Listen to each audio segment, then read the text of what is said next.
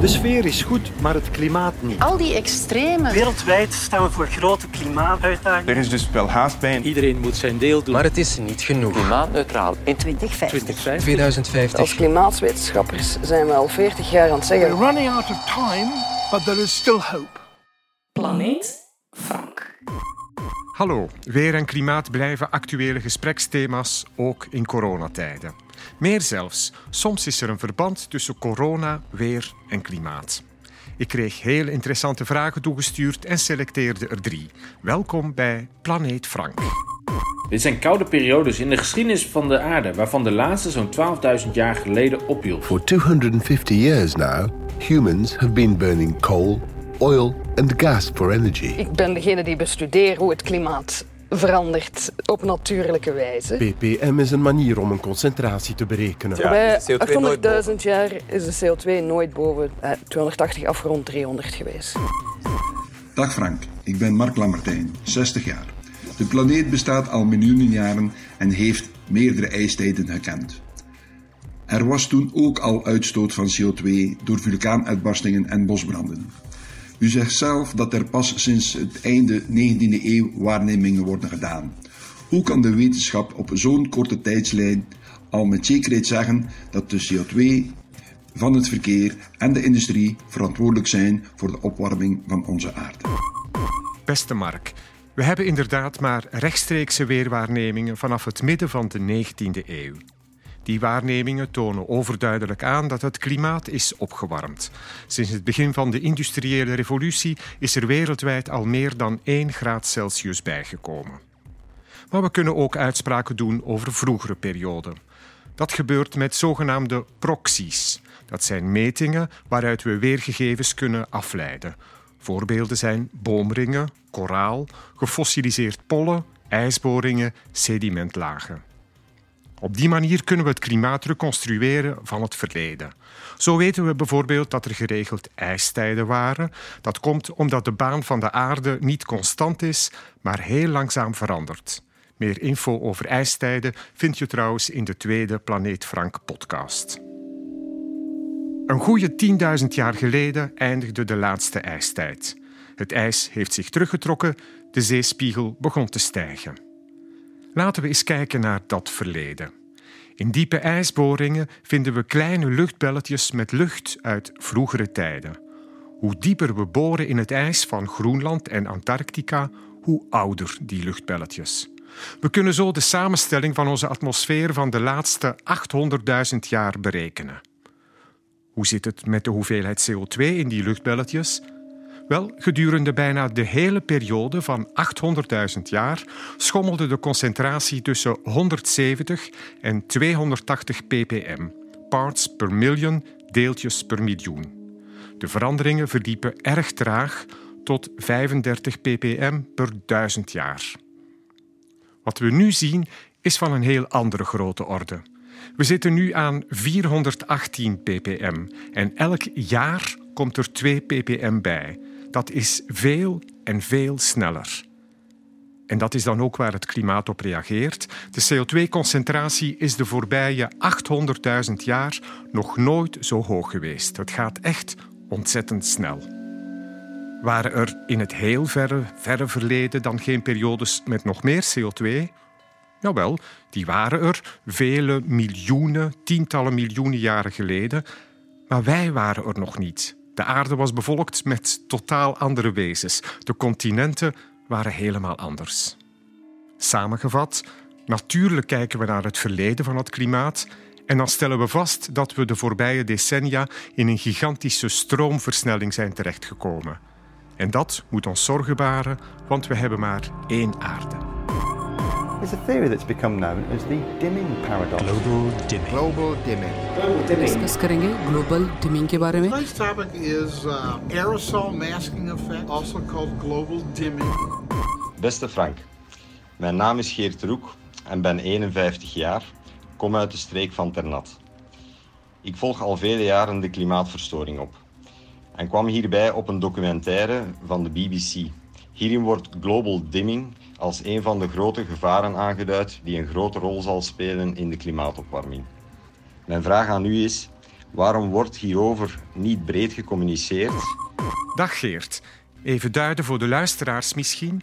In de documentaire Global Dimming van 2005 wordt gesproken over zaken die een afkoelend effect hebben op onze atmosfeer.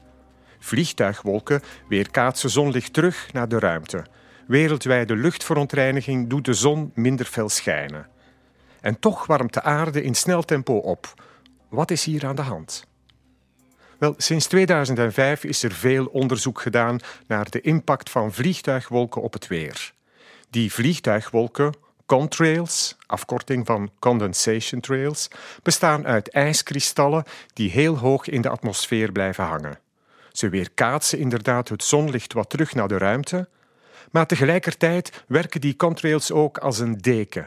Een deken dat belet dat de warmte van het aardoppervlak verdwijnt naar de ruimte.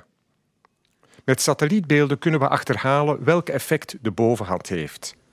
Volgens de huidige inzichten is het netto-effect een opwarming, geen afkoeling. Voorlopig gaat het om een vrij kleine bijdrage aan de totale opwarming, maar men verwacht dat met de toename van het vliegverkeer het opwarmend effect zal vergroten. En hoe zit het dan met de luchtverontreiniging? Kleine onzuiverheden in de lucht, de zogenaamde aerosolen, dimmen inderdaad het zonlicht. Bovendien vormen ze ideale condensatiekernen voor wolkendruppeltjes, voor mist, voor smog. We gaan eens kijken naar de waarnemingen. Tussen 1997 en 2014 toont de evolutie van de globale gemiddelde temperatuur op aarde een minder sterke toename, hetgeen gelinkt kan worden aan toenemende luchtverontreiniging in Zuidoost-Azië. In 2013 nam de Chinese regering een reeks maatregelen om de luchtverontreiniging te counteren en sindsdien is de globale opwarming nog versneld. Ook bij ons in Europa is er van global dimming geen sprake. Wel in tegendeel. De voorbije decennia hebben we de luchtverontreiniging teruggedrongen. De luchtkwaliteit is verbeterd. In vergelijking met de jaren 1980 zijn er nu minder aerosolen in de atmosfeer en dat zorgt ervoor dat nu meer zonnestraling het aardoppervlak bereikt en dat meten we. Een gemiddelde stijging van 42 kilowattuur per vierkante meter per decennium sinds 1981. Een zonnige toekomst, maar dat wil dus ook zeggen dat de klimaatopwarming nu nog wat sneller gaat. Het is als het ware kiezen tussen de pest en de cholera bij grote luchtverontreiniging is er minimale opwarming, maar zuivere lucht betekent meer opwarming. De enige oplossing: we moeten dringend de uitstoot van broeikasgassen, koolstofdioxide en methaan verminderen. In de herfst en winter viert het griepseizoen hoogtijd. De ventilatie uh, erg belangrijk is en belangrijker dan men oorspronkelijk dacht. En dan kijken we even richting zomer. De reizen, de festivals, de versoepelingen met de grote V. Terrassen vol en... Uh... Ja, dat is altijd een moeilijke discussie, hè, omdat je een evenwicht moet vinden. In de buitenomgeving en mits u voldoende afstand houdt, zal die concentratie zeer laag zijn en dus de kans op besmetting ook quasi nihil. Dag Frank, ik ben Guido uit Bornem en tot voor kort deeltijdsdocent aan de KU Leuven. Vandaar misschien een vraag met een iets wat meer wetenschappelijke insteek voor jou. Wordt er eigenlijk onderzoek gedaan naar het verband tussen de verspreiding van het coronavirus en de weersomstandigheden? Dus kan ik eigenlijk beter mijn terrasje doen bij druilerig weer of beter als de zon schijnt? En zijn er zowel resultaten nationaal als mondiaal? Zijn er bijvoorbeeld ook seizoensverschillen. Het zou heel fijn zijn moest ik daar iets meer van te weten krijgen. Een heel interessante vraag, Guido. Ik stel ze aan Erika Vliegen, diensthoofd infectieziekten aan de UZ Antwerpen en professor aan de Universiteit Antwerpen. Erika, misschien even de verschillende weerparameters overlopen. Hè. Uh, is er een verband tussen bijvoorbeeld de temperatuur en de verspreiding van het virus? Wel, um, dat is uiteraard onderzocht en dat is ook al vroeger onderzocht. Wat dat we vinden uh, globaal is dat ideaal voor het virus is wat koudere temperaturen, maar dan eigenlijk met een, een, een droge luchtvochtigheid. Dat, is, dat vindt het, het, virus blijkbaar het makkelijkste om overgedragen te worden.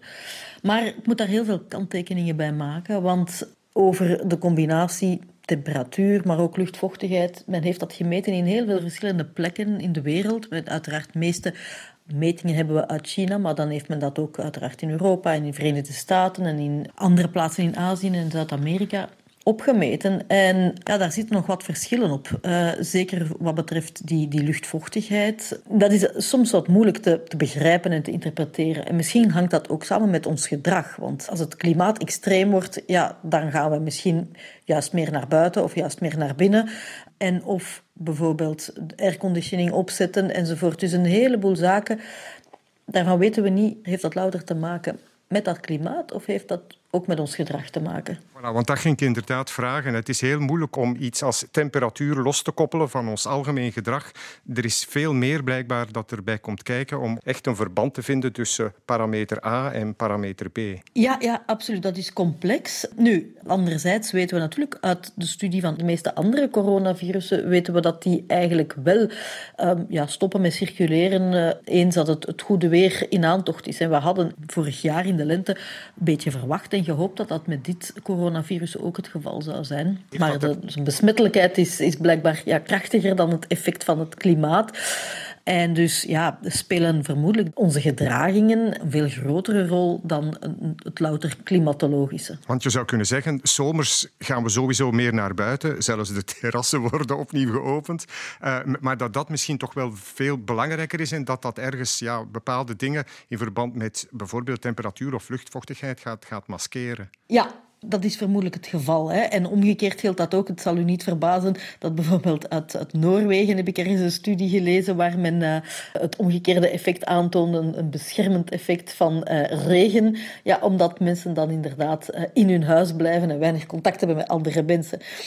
Dus ja, ons gedrag speelt een belangrijke rol. Maar die, die, de ene zomer is de andere niet. Dat moet ik jou niet vertellen. En bijvoorbeeld als je hele extreme temperaturen hebt, ja, dan speelt dat misschien ook mee een rol in niet zozeer in de besmettelijkheid, maar in hoe ziek dat je ervan wordt en in de sterftegraad. Hè. En dan heb je bijvoorbeeld twee zaken die bovenop elkaar komen te liggen.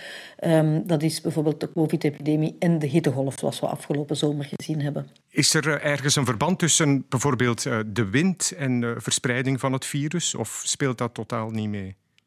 Uh, nee, nee, wel, de, mm, al die weerparameters die zijn inderdaad her en der ook bestudeerd. En opnieuw, hè, het blijft moeilijk omdat het uh, heel veel verschillende factoren bij elkaar zijn. Um, maar wat je ziet is dat inderdaad hogere windsnelheden leiden tot uh, lagere overdracht. En dat lijkt op zich ook wel logisch. Hè. Zeker buiten. de windsnelheden spelen toch vooral een rol buiten, neem ik aan, en niet binnen. En dan dat geeft dat een voordeel omdat je natuurlijk geen tijdelijke opstapeling kan krijgen van druppels. Of, of dan worden die druppels heel snel uh, weggeblazen. Dat is ook, dus dat, alles bij elkaar. Um, ja, zullen dat waarschijnlijk allemaal componenten zijn die maken dat buiten beter is dan, dan binnen. Maar welk van die componenten de allerbelangrijkste is, men vermoedt nog altijd temperatuur- en vochtigheidsgraad. Een Duitse studie bijvoorbeeld uh, suggereert misschien uh, moet je de vochtigheidsgraad binnen in je huizen en in je gebouwen een beetje verhogen hè, om het virus het moeilijker te maken. Er wordt ook gezegd dat de zonneschijn, vooral dan ja, de schadelijke UV-stralen, dat virussen daar niet zo goed zouden tegen kunnen. Uh, wat moeten we daarvan geloven? Voor het coronavirus blijft dat een beetje koffiedik kijken. Ook daar hè, zie je heel veel verschillende gegevens. Dus dat, dat is veel moeilijker blijkbaar om daar een, een goede lijn in te kunnen trekken. Een stukje dat daar nog bij komt, waar we het nog niet over gehad hebben, is luchtvervuiling. En er zijn, eh, ik moet jou niet vertellen, bepaalde weertypes um, waar smog veel beter blijft bij hangen. Um, en daar is vermoedelijk ook nog ergens een verpand. Eh, zowel voor wat betreft het, ja, het langer blijven hangen van druppels en het uh, makkelijker overdragen, maar ook het zieker worden. Hoe zou het komen dat uh, in feite het virus ja, is ontstaan en is overgesprongen op de mens? Waar ik naartoe wil is, moeten we in de toekomst met een opwarmend klimaat, moeten we nog meer gaan rekening houden dat iets dergelijks zich zou kunnen voordoen? Ik bedoel, is, is het allemaal een beetje onze eigen schuld of was dit gewoon pure pech? Het zit een beetje ergens tussen de twee. Ik denk, virussen die overspringen van, van, van, van dier op mens, dat is niet nieuw. Dat gebeurt al eeuwen waarschijnlijk. En dat is niet altijd succesvol. Want veel van die virussen zijn niet goed aangepast aan de mens en, en kunnen dan eigenlijk niet goed overgedragen worden. Maar natuurlijk, als het, als het wel succesvol is, eh, en dat gebeurt ergens in een compleet afgelegen dorp en dat dorp sterft uit en voor de rest kan dat virus dan niet meer overleven, dan is dat dat. Maar ondertussen is natuurlijk de hele wereld een dorp geworden. En heb je, uh, als dat dan opnieuw gebeurt, en dat zal opnieuw gebeuren, want wij mensen hebben natuurlijk nauw contact met, met de dierenwereld op heel veel vlakken, uh, steeds meer en meer, ook met intensieve landbouw. Uh, bijvoorbeeld. Ja, als dan zo'n kans succesvol wordt van, voor overdracht, um, ja, dan kan dat natuurlijk een hele vruchtbare grond vinden, bij wijze van spreken, in heel die geglobaliseerde maatschappij. Er is zeker en vast een hoog risico dat dat nog kan gebeuren, omwille van de manier waarop wij als mensensoort heel dominant geworden zijn op aarde, in aantal, in gedrag. Dus het is die combinatie van zaken die het erg uh, risicovol maken. Ik wil nog even terugkomen tot slot op uh, het seizoenseffect. In het zuidelijk halfrond zijn de seizoenen net andersom. Bij ons begint nu uh, de, de, lente, de zomer. Uh, zien we dan in het zuidelijk halfrond dat daar, ja, met, met de winter die er stilaan aankomt, verwacht men daar dat daar tussen het aantal ja, virusinfecties dat dat zal dalen?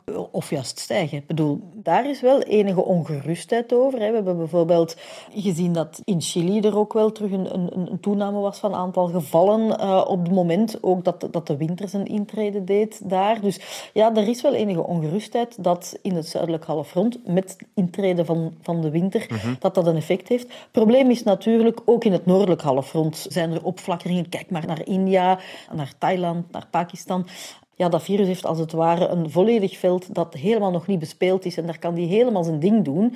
Die heeft daar bij wijze van spreken geen klimaat voor nodig om eigenlijk de bal in de goal te shotten. Het is niet uitgesloten dat bijvoorbeeld over een paar jaar, waar dat er al veel meer mensen contact hebben gehad met dit virus en, en hopelijk ook veel meer mensen deels of volledig beschermd zijn, dat je misschien die seizoenseffecten en seizoensopflakkeringen uh, ietsje meer gaat zien en dat dat een soort van seizoensgrip gaat, uh, effect gaat worden. Hè. Dat, dat, ik sluit dat niet uit dat dat, ja. dat dat zo evolueert. Maar dus heel concreet, bij ons de zomer die eraan komt, uh, naar buiten gaan, genieten van de zuivere lucht, toch een beetje afstand blijven houden, niet te veel in de wind zijn en dan, ja, dan zou het geleidelijk aan toch moeten verbeteren. Ja, voilà. Het zal met al die componenten samen zijn. Dus ik, ik denk ook echt wel, met alles wat we nu weten, dat uh, beter weer, uh, wat warmere temperaturen, een beetje meer uh, luchtvochtigheid, wat wind buiten, dat dat goede omstandigheden zijn. Maar ik zou zeker, zolang je nog niet gevaccineerd bent en, en het virus eigenlijk nog heel intens rondgaat, zoals nu, zou ik eigenlijk um, ja, veiligheid voorop blijven stellen. Dus afstand houden. Want zoals Steven van Gucht heeft gezegd, een, een kus buiten is is nog altijd even gevaarlijk als een kus binnen. Hè. Dus heel nauw contact. Ja, dan, dan doe je natuurlijk heel dat buiteneffect teniet. Dus hou ook voorlopig die afstand, maar geniet samen van het, uh, het lenteweer dat er nu toch wel stilaan begint aan te komen. Niet waar, Frank? Daar gaan we voor, Erika. Bedankt. Oké, okay, graag gedaan. Planeet Frank gaat weer een rondje draaien. Heb je zelf een vraag over weer of klimaat? Stel ze me via het invulformulier op de site, via hashtag planeetfrank of e-mail planeetfrank.vrt.be. Hou het veilig en graag tot volgende maand.